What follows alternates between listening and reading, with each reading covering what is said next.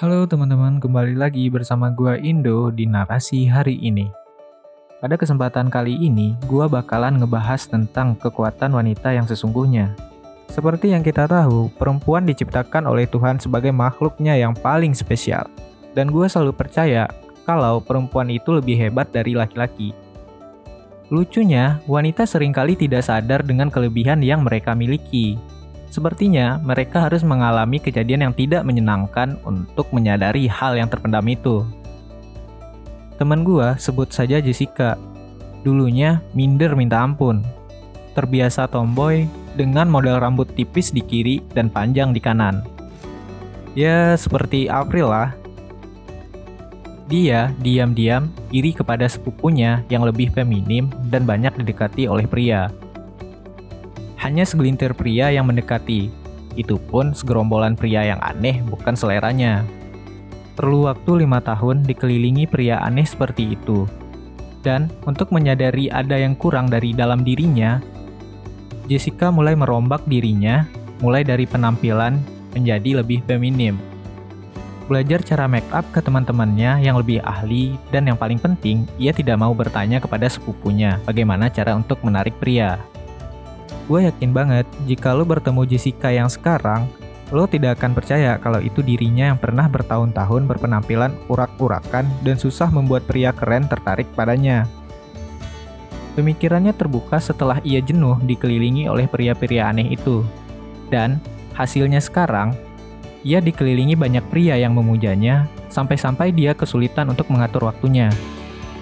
Jujur saja ceritanya terdengar lucu di telinga saya, Bukankah wanita sewajarnya paham bagaimana cara berpenampilan?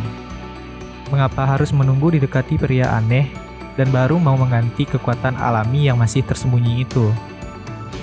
Kenapa butuh waktu lama untuk belajar dan terbuka ke orang-orang? Beda wanita, beda juga ceritanya. Agnes sudah paham betul bagaimana cara berpakaian menarik.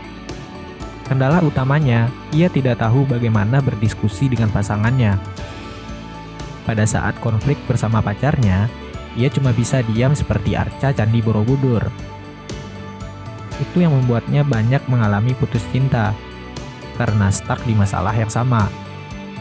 Kegagalan cinta yang bertubi-tubi membuatnya sadar bahwa ia harus berani menggali kemampuan bicaranya. Misalnya, ia memaksa dirinya mengobrol dengan orang asing, entah itu tukang parkir, penjual bakmi yang lewat, kasir di minimarket, atau siapa pun yang ada di dekatnya. Ia juga curhat panjang lebar ke sahabatnya, sehingga ia tahu bagaimana cara mendiskusikan masalah dengan pasangannya.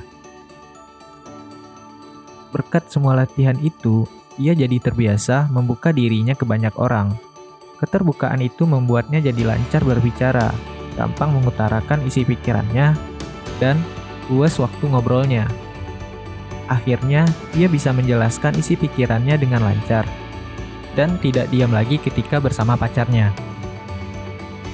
Lagi-lagi, gue mendapatkan cerita yang lucu. Selama ini, gue pikir wanita sudah mahir mengajak ngobrol siapa pun.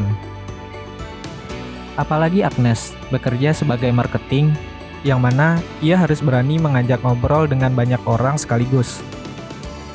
Di titik itu gue sadar, gak semua wanita menyadari kekuatan tersembunyi yang ada pada dirinya setiap wanita sebenarnya memiliki kekuatan yang tidak kalah dari pria, yaitu berupa daya tarik, kecerdasan, dan kemampuan berkomunikasi yang sama baiknya.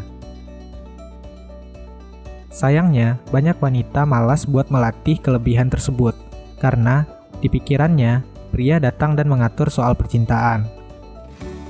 Banyak juga wanita yang berpikir tugasnya cuma duduk-duduk di rumah dan biarkan semua masalah romansanya beres diselesaikan pria. Bukankah pria yang memburu wanita? Seperti itu pikiran wanita selama ini.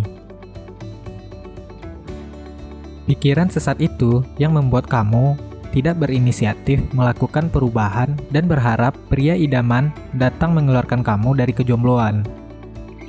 Dilihat dari segi mana pun, itu mustahil luar biasa. Bagaimana bisa pria idaman mengetuk pintu kamar kamu kalau yang kamu lakukan hanya berdiam diri tanpa melakukan apa-apa. Kalaupun benar-benar ada yang mengalaminya, maka persentasenya itu sangatlah kecil sadarkah kamu bahwa kemalasan itu yang membuat pria-pria di luar sana enggan mendekatinya? Salah kamu sendiri yang bersikap bodoh amat dengan penampilan. Kamu juga bersikap jaim setiap kali ada yang mendekati. Jangan nyinyir di media sosial kalau mereka memilih wanita lain yang lebih pandai berpakaian, jago memoles wajah, dan enak diajak ngobrol ketimbang kamu. Barangkali kamu seperti Agnes dan Jessica yang sulit mendapatkan pasangan idaman. Kapan kamu bertemu pria yang benar-benar sesuai idaman? Apakah sekarang kalian sedang bergandengan tangan atau dia menggandeng tangan wanita lain? Kenapa pria seperti itu hanya sekedar lewat di hidup kamu? Satu-satunya cara untuk kamu mendapatkan pasangan berkualitas dengan menjadi wanita yang karismatik, pandai berkomunikasi, dan asik menyenangkan. Lagi-lagi, semua keputusan ada di tangan kamu. Apakah kamu siap dengan perubahan, menjadi wanita yang karismatik, pandai berkomunikasi, dan asik menyenangkan, agar setiap pria yang ada di sekeliling kamu baper setengah mati? Oke, sekian dulu. Terima kasih buat teman-teman yang udah ngedengerin narasi hari ini sampai habis. Semoga narasi ini bisa ngebantu teman-teman buat ngelepas masa kejombloannya. Dan jika teman-teman menyukai narasi hari ini, jangan lupa buat nge-follow Spotify-nya Bukan Cowboy Kampus karena setiap minggunya akan ada pembahasan yang lebih menarik. Dan terakhir, terima kasih buat teman-teman yang udah nge-support kami. Saya Indo undur pamit dan selamat menjalani aktivitasnya.